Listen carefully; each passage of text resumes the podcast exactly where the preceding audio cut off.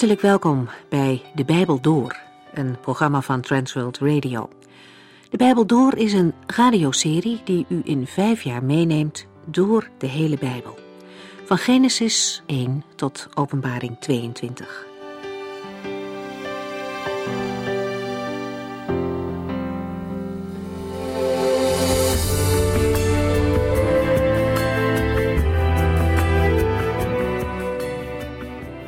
Vanaf de Olijfberg, met uitzicht op Jeruzalem, heeft de Heer Jezus met de discipelen over dingen uit de toekomst gesproken.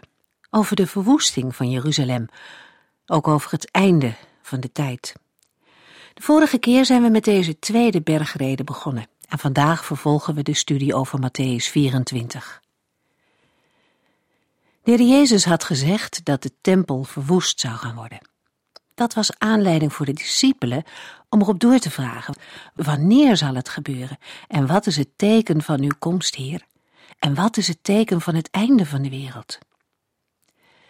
In Matthäus gaat de Heer in op de vragen over zijn wederkomst en de voleinding van deze wereld. En voordat hij concreter wordt, waarschuwt hij eerst de discipelen om zich niet van alles wijs te laten maken. Er zullen allerlei dwalingen, allerlei fantastische verhalen de ronde gaan doen, maar gelovigen moeten vasthouden aan het woord van God. Niet alleen op religieus gebied komt er verleiding, ook politiek gezien komt er grote onrust en chaos, hongersnoden en aardbevingen. En dat is nog maar het begin van het einde. In deze uitleg over de toekomst heeft de Heer het over de tijd die voorafgaat aan zijn wederkomst op aarde, zijn komst op de Olijfberg. En daar zit hij ook als hij hierover praat. Hij heeft het ook over de vestiging van zijn koninkrijk op aarde. De gemeente, de christenen, zijn hierbij niet in beeld. Zij gaan al eerder de Heer tegemoet. In een ogenblik wordt de gemeente immers opgenomen. En dan pakt God de draad met het Joodse volk weer op. Er zal een tijd van grote verdrukking komen, waarover de Heer hier spreekt. Overal ter wereld zullen jullie gehaat en verdrukt, ja zelfs gedood worden, zegt hij. En met die jullie bedoelt de Heer dan de Joodse gelovigen. Hij waarschuwt hen dat er veel valse profeten zullen komen. Door de vervolgingen en de dwaalleren zullen veel mensen afhaken. Het zal een tijd zijn van wetteloosheid en liefdeloosheid. En toch, toch is er overwinning voor degenen die dwars door alles heen trouw blijven aan de Heere God. Zij zullen behouden worden. Overal zullen ze het evangelie van het komend koninkrijk van de hemel prediken. En dan komt het einde.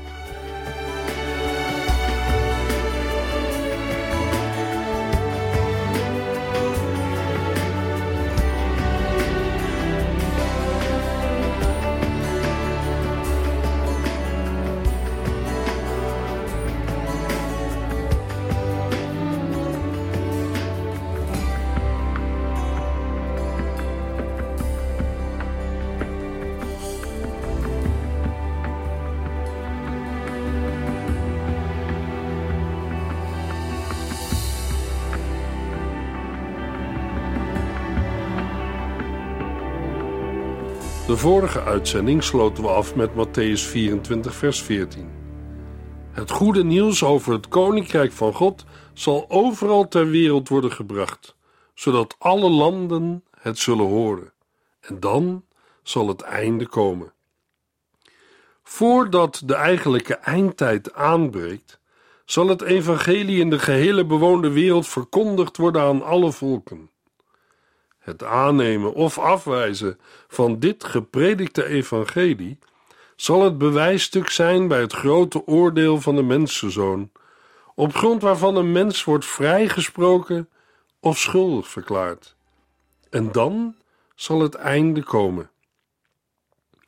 Wat moeten wij ons daarbij voorstellen? In het vervolg geeft de Heer Jezus aan wat de tekenen zijn van deze periode. Matthäus 24, vers 15. Als jullie dan de ontzettende gruwel in de heilige plaats zien staan, waar de profeet Daniel het over had, wie dit leest, moet dit proberen te begrijpen. De Heer Jezus haalt de profetie uit Daniel aan, Daniel 9, 11 en 12. Een gruwel is alles wat voor het aangezicht van God niet kan bestaan. Als het om een concrete zaak gaat, zoals hier om een gruwel die staat en gezien wordt, dan is een afgodsbeeld of een heidens altaar bedoeld. De ontzettende gruwel kan ook verwoesting en ontvolking betekenen. Met betrekking tot een stad omsingeld door legers betekent het verwoesting. Maar als bepaling bij gruwel moeten we eerder aan ontvolking en verlatenheid denken. Bij een gruwel in de heilige plaats moeten we denken aan het ontwijden van die heilige plaats. Dat is de tempel. Door het opstellen van een heidens afgodsbeeld zullen de gelovige bezoekers de tempel onbezocht laten. We lezen in Daniel 11, vers 31: Er zal een eind worden gemaakt aan het brengen van het dagelijkse offer, en men zal een afgod, een ontzettende gruwel, in de tempel zetten om te worden aanbeden. De profetie van Daniel vond een eerste voorlopige vervulling in het jaar 168 voor Christus. Toen nam de Syrische vorst Antiochus Epiphanes Jeruzalem in. Er werden honderdduizend Joodse mensen gedood.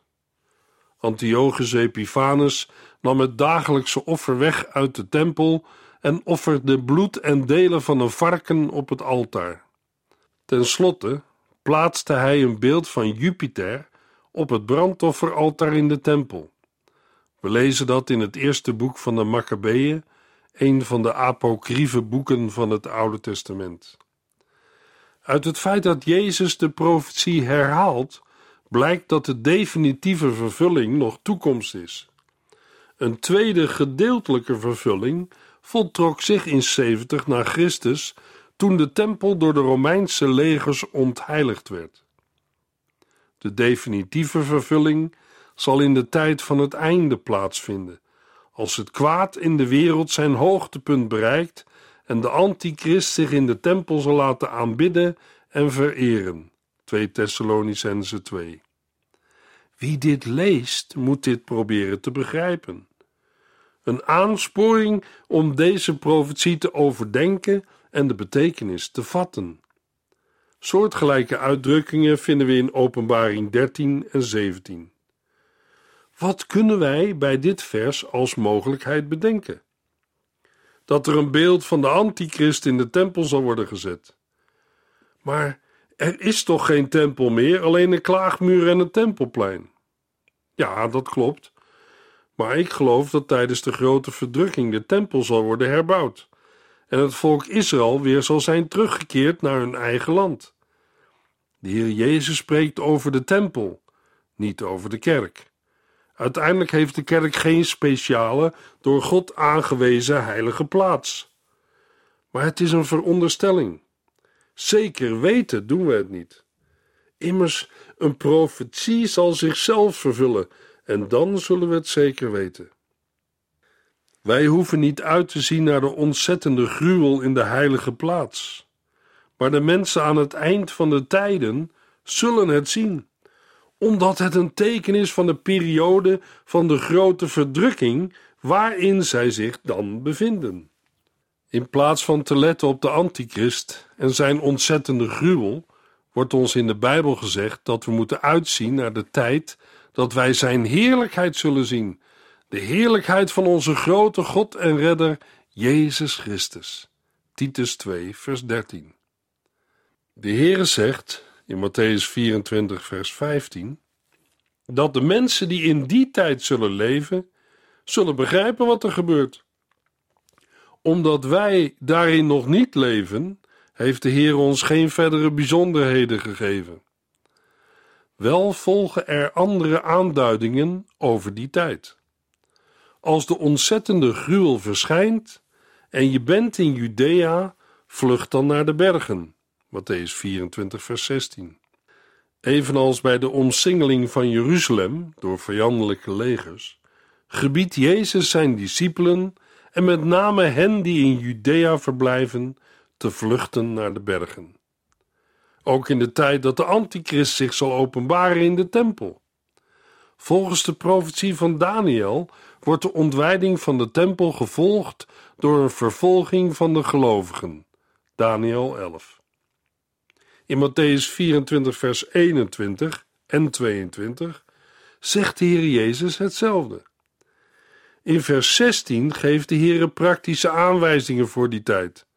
Vluchten? Ja, maar niet naar de versterkte steden, maar naar de bergen. Er volgen nog meer aanwijzingen. Matthäus 24, vers 17 en 18. Zit je op dat moment op het platte dak van je huis? Ga dan niet naar binnen om nog iets uit huis mee te nemen. En als je buiten in het veld bent, kom dan niet terug om thuis nog wat kleren op te halen. De vlucht zal heel snel moeten gebeuren. De platte daken werden gebruikt. Ze deden dienst voor het drogen van vruchten, maar ook om te studeren en te eten. Wie zich op die dag op het dak bevindt, moet niet eerst zijn huis binnengaan om nog iets mee te nemen, maar direct over de trap langs de buitenmuur vluchten. Wie in zijn onderkleed op het veld werkt, moet niet eerst thuis kleren gaan halen. Hij moet direct wegrennen. Matthäus 24, vers 19. Het wordt een vreselijke tijd voor vrouwen die in verwachting zijn of een baby hebben. Waarom? Moeders die in verwachting zijn of een kind aan de borst hebben, zijn tegen de ontberingen van een snelle vlucht het minst opgewassen. In het algemeen is men onder christenen van mening dat er bij het begin van de grote verdrukking een geweldige groei van de wereldbevolking zal plaatsvinden. Het feit dat de aarde overbevolkt raakt, is een ander voorteken dat we het einde van de tijden naderen. Matthäus 24, vers 20. Bid dat je niet in de winter zult moeten vluchten of op een sabbat. De discipelen moeten bidden dat verzwarende omstandigheden, zoals wintertijd of sabbatdag, achterwege zullen blijven. De moeilijkheid van de wintertijd bestaat uit de vele regenbuien en daardoor moeilijk begaanbare wegen. Het probleem met de sabbat is niet duidelijk. Het kan niet zo zijn dat de discipelen zich volgens de Joodse traditie moeten houden aan de wet betreffende de sabbatsreis, want het was in geval van vervolging toegestaan het sabbatsgebod te overtreden. Eerder zullen we moeten denken aan het oplopen van een vertraging bij een vlucht door de tegenstand van orthodoxe Joden, zoals gesloten stadspoorten en afwezigheid van vervoersmiddelen. Ook kan Jezus gedacht hebben aan het feit dat de vluchtende discipelen op een sabbat direct herkend zouden worden, wat met het oog op vervolgingen rampzalig zou zijn. Het geeft ook aan dat de heiland hier tot het Joodse volk spreekt. Wij gaan niet op de sabbat op zaterdag naar de kerk, maar op zondag, omdat de Heer Jezus op die dag is opgestaan. Matthäus 24, vers 21. Want er zal een onderdrukking zijn zoals de wereld nog nooit heeft gekend en zoals ook nooit meer zal terugkomen. Jezus herhaalt hier de oud-testamentische profetieën over de tijd van benauwdheid, die er zal zijn vlak voor de komst van het Koninkrijk van God. Het zal de moeilijkste tijd uit de wereldgeschiedenis zijn, zoals de wereld nog nooit heeft gekend. Deze verdrukking is de climax van het begin van de ellende. In andere vertalingen wordt het woord weeën gebruikt. En wordt daarom grote verdrukking genoemd. Openbaring 7, vers 14. Er zal een tijd van benauwdheid zijn voor de hele wereld. Openbaring 3, vers 10. Deze tijd, die uitvoerig beschreven wordt in Openbaring 8 tot en met 19, kent twee aspecten: vervolging van de gemeente door de antichrist en het komen van de oordelen van de Heere God over een goddeloze en afvallige wereld. Als het zover is, zal iedereen het weten. Want er zal een onderdrukking zijn zoals de wereld nog nooit heeft gekend en zoals ook nooit meer zal terugkomen. Wij weten dat christenen vervolgd worden om hun geloof. De kerk wordt ook nu al onderdrukt. Maar waar het hier over gaat, zal ernstiger zijn. Er gebeuren verschrikkelijke dingen in onze dagen, dat is waar. Toch moeten we zeggen dat dit overeenkomt met veel andere periodes in de wereldgeschiedenis. Wanneer de grote verdrukking aanbreekt, zal duidelijk worden dat het een onderdrukking is die de wereld nog nooit heeft gekend en zoals ook nooit meer zal terugkomen. Matthäus 24, vers 22.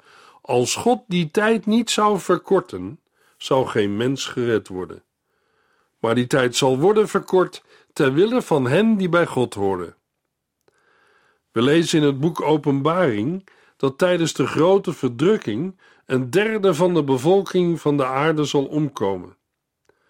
Bij een andere ramp zal een vierde van de wereldbevolking omkomen. Dit zijn absoluut gebeurtenissen die zich niet meer zullen herhalen, die de wereld nog nooit heeft gekend en ook nooit meer zullen terugkomen. In Openbaring 6 worden deze gebeurtenissen aangeduid met het rode paard van de oorlog, het zwarte paard van de honger en het grijze paard van de dood. In het verleden kon men zich bij deze gebeurtenissen weinig voorstellen, maar tegenwoordig zijn er wapens die grote delen van de wereld kunnen vernietigen en verwoesten. Toch is er ook troost in vers 22, maar die tijd zal worden verkort ter wille van hen die bij God horen. Als de verdrukking ten tijde van de Antichrist zo lang zou duren als de vervolgers willen en de vervolgden vrezen, dan zou niemand behouden worden, maar iedereen afvallen. Maar zoals God de genadetijd kan verlengen, zo kan Hij de dagen van verdrukking ook verkorten. Hij zal dit ook doen omwille van de uitverkorenen, die dag en nacht tot Hem roepen. Hen die bij God horen zijn de uitverkorenen, de rest van ware gelovigen, die volharden tot het einde, in tegenstelling tot de afvallige massa uit vers 10 en 12. Matthäus 24, vers 23 tot en met 25.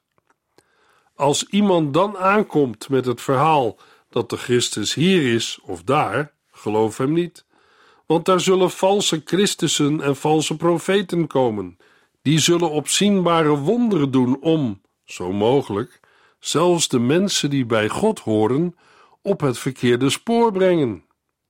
Wees dus op je hoede, ik heb je gewaarschuwd. Evenals in de tijd voor het einde, vers 5, zullen er ook tijdens de grote verdrukking valse Christussen komen, die of zelf valse profeten zijn, of door hen ondersteund worden. Openbaring 16, vers 13. De valse Christussen zullen zich proberen te legitimeren met zulke tekenen en wonderen, 2 Thessalonicense 2, vers 9, dat zelfs de uitverkorenen gevaar lopen daardoor verleid te worden. Deze voorzegging dient om de gelovigen te waarschuwen. Omdat de Heere zijn leerlingen toespreekt, gaat het in eerste instantie om de gelovigen uit het volk Israël. Matthäus 24, vers 26. Als iemand je komt vertellen dat de Christus in de woestijn is, trek je er niets van aan en ga niet kijken. Als iemand zegt dat de Christus zich ergens verborgen houdt, geloof hem niet. Wanneer de Heer Jezus terugkomt, zal er geen Johannes de Doper zijn om hem aan te kondigen. Maar als hij terugkomt, zal de hele wereld het weten, zoals een bliksem die licht van het oosten tot het westen. Dat wil zeggen, voor iedereen duidelijk zichtbaar en met stralende heerlijkheid als een bliksemflits. Als de Heer Jezus terugkomt op de aarde, zal dat voor iedereen duidelijk zijn. Niemand zal het hoeven om te roepen. Wanneer onze Heer Jezus voor de tweede en de laatste keer komt om zijn koninkrijk op aarde te vestigen, zal iedereen dat weten. Hij zal, gelijk een bliksem, aan de hemel verschijnen en komen op de wolken des hemels. Matthäus 24, vers 27 en 28. Want Zoals de bliksem van oost naar west langs de hemel schiet, zo zal het zijn als ik, de mensenzoon, terugkom. Waar de gieren zich verzamelen, daar ligt het aas. Het is niet nodig dat de mens zich afvraagt waar de mensenzoon zal terugkeren. Hij zal namelijk gelijk een bliksem verschijnen aan de hemel en komen op de wolken. Zijn aanwezigheid zal voor iedereen zo vanzelfsprekend zijn als de aanwezigheid van lijken op de plaats waar zich gieren verzamelen. Inhoudelijk spreken deze beelden van de komst van de Heer Jezus ten oordeel. Het toekomstige bruiloftsmaal voor de gelovigen, Openbaring 19, heeft namelijk een keerzijde voor de goddelozen. Openbaring 19, vers 17 tot en met 19. Ik zag een engel midden in de zon staan. Met zijn sterke stem riep hij naar alle vogels die op het hoogste punt van de hemel vlogen: Kom bij elkaar voor Gods grote maal. Jullie mogen het vlees eten van koningen, generaals en helden, van paarden en hun ruiters, van vrije en slaven, van kleine en groten. Ik zag het beest samen met de koningen van de aarde. Ze hadden hun legers verzameld om oorlog te voeren tegen hem, die op het paard zit, en tegen zijn leger. Jezus' komst betekent verlossing voor zijn gemeente, vers 31, maar oordeel voor de ongelovigen, vers 51 en Matthäus 25. De aasetende vogels schijnen de uitvoerders te zijn van het goddelijke oordeel. Wanneer de Heer Jezus terugkomt, zal hij komen als rechter. Matthäus 24, vers 29. Onmiddellijk na die dagen van verdrukking en ellende zal de zon worden verduisterd en de maan niet meer schijnen. De sterren zullen van de hemel vallen en de machten van het heelal zullen door elkaar worden geschud. Deze profetie herhaalt profetieën uit het Oude Testament. Profetieën die spreken over reële kosmische gebeurtenissen. Het is geen beeldspraak.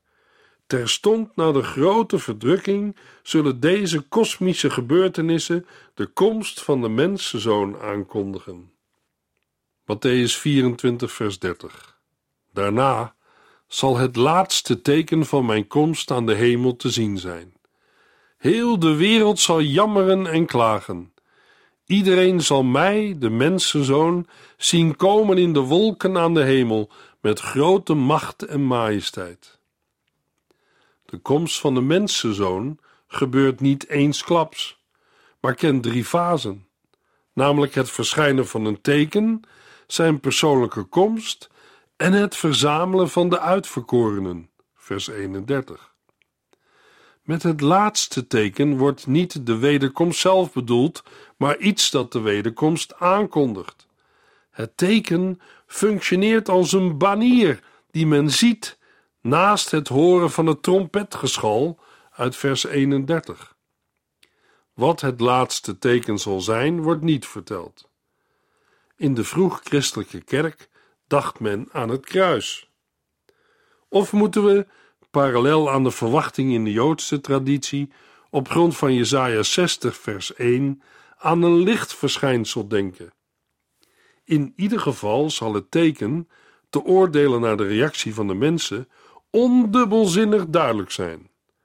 Het zich op de borst slaan van de mensen kan deels een rouwe zijn over de dood van Christus, Zacharia 12 maar is voor de overgrote meerderheid een uiting van wanhoop en vroeging over hun persoonlijk lot in het aanstaande oordeel van God. Na het teken aan de hemel zal overeenkomstig de profetie van Daniel, Daniel 7, vers 13 en 14, de mensenzoon komen op de wolken des hemels met goddelijke macht en majesteit. Dan zal hij terugkeren om zijn koninkrijk te vestigen op aarde. Matthäus 24, vers 31. Ik zal mijn engelen er met luid trompetgeschal op uitsturen. Ze zullen de mensen die bij mij horen verzamelen van de verste uithoeken van hemel en de aarde. Het blazen op de trompet of de bazuin kondigt altijd iets aan. Aan het eind van deze bedeling zal verschillende keren luid trompetgeschal klinken, namelijk bij het opwekken van de doden en de aankondiging van de oordelen. In al deze gevallen gaat het om een hemels trompetgeluid. Geen aards instrument kan dat geluid evenaren. De trompet of de bazuin, die hier genoemd wordt, zal klinken wanneer de engelen bij de wederkomst van de Heere, de uitverkorenen van over de hele wereld, vanuit de vier windstreken, van het ene uiterste van de hemelen tot het andere, zullen samenbrengen naar de plaats waar koning Jezus is. Net als vers 28, een plaats op aarde. Het verzamelen van de gelovigen was al in het Oude Testament beloofd en is kenmerkend voor dit grote keerpunt in de wereldgeschiedenis. Bij de uitleg van de teksten die we met elkaar hebben gelezen, ontdekken we verschillende verklaringen. In grote lijnen onderscheiden er zich twee groepen. Er is een groep uitleggers die het samenbrengen van de uitverkorenen betrekken op Israël en de gemeente van Christus. Daarnaast zeggen anderen: de uitverkorenen die hier worden bedoeld zijn alleen het volk Israël. Immers de gemeente van Christus wordt opgenomen uit deze wereld om de Heer Jezus in de lucht te ontmoeten. Ik sluit af met de visie van dominee McGee op dit punt. De Heer Jezus zal met trompetgeschal en in eigen persoon komen om zijn gemeente te ontmoeten. Zijn stem zal daarbij klinken als de stem van een aartsengel. Hij zal daarbij geen hulp nodig hebben om zijn gemeente bijeen te brengen. Wanneer hij zegt dat de engelen zijn uitverkorenen zullen vergaderen vanuit de vier windstreken, van het ene uiterste van de hemelen tot het andere, kunnen we er zeker van zijn dat hij over het volk Israël spreekt. De dienende engelen zijn altijd verbonden geweest met het volk Israël.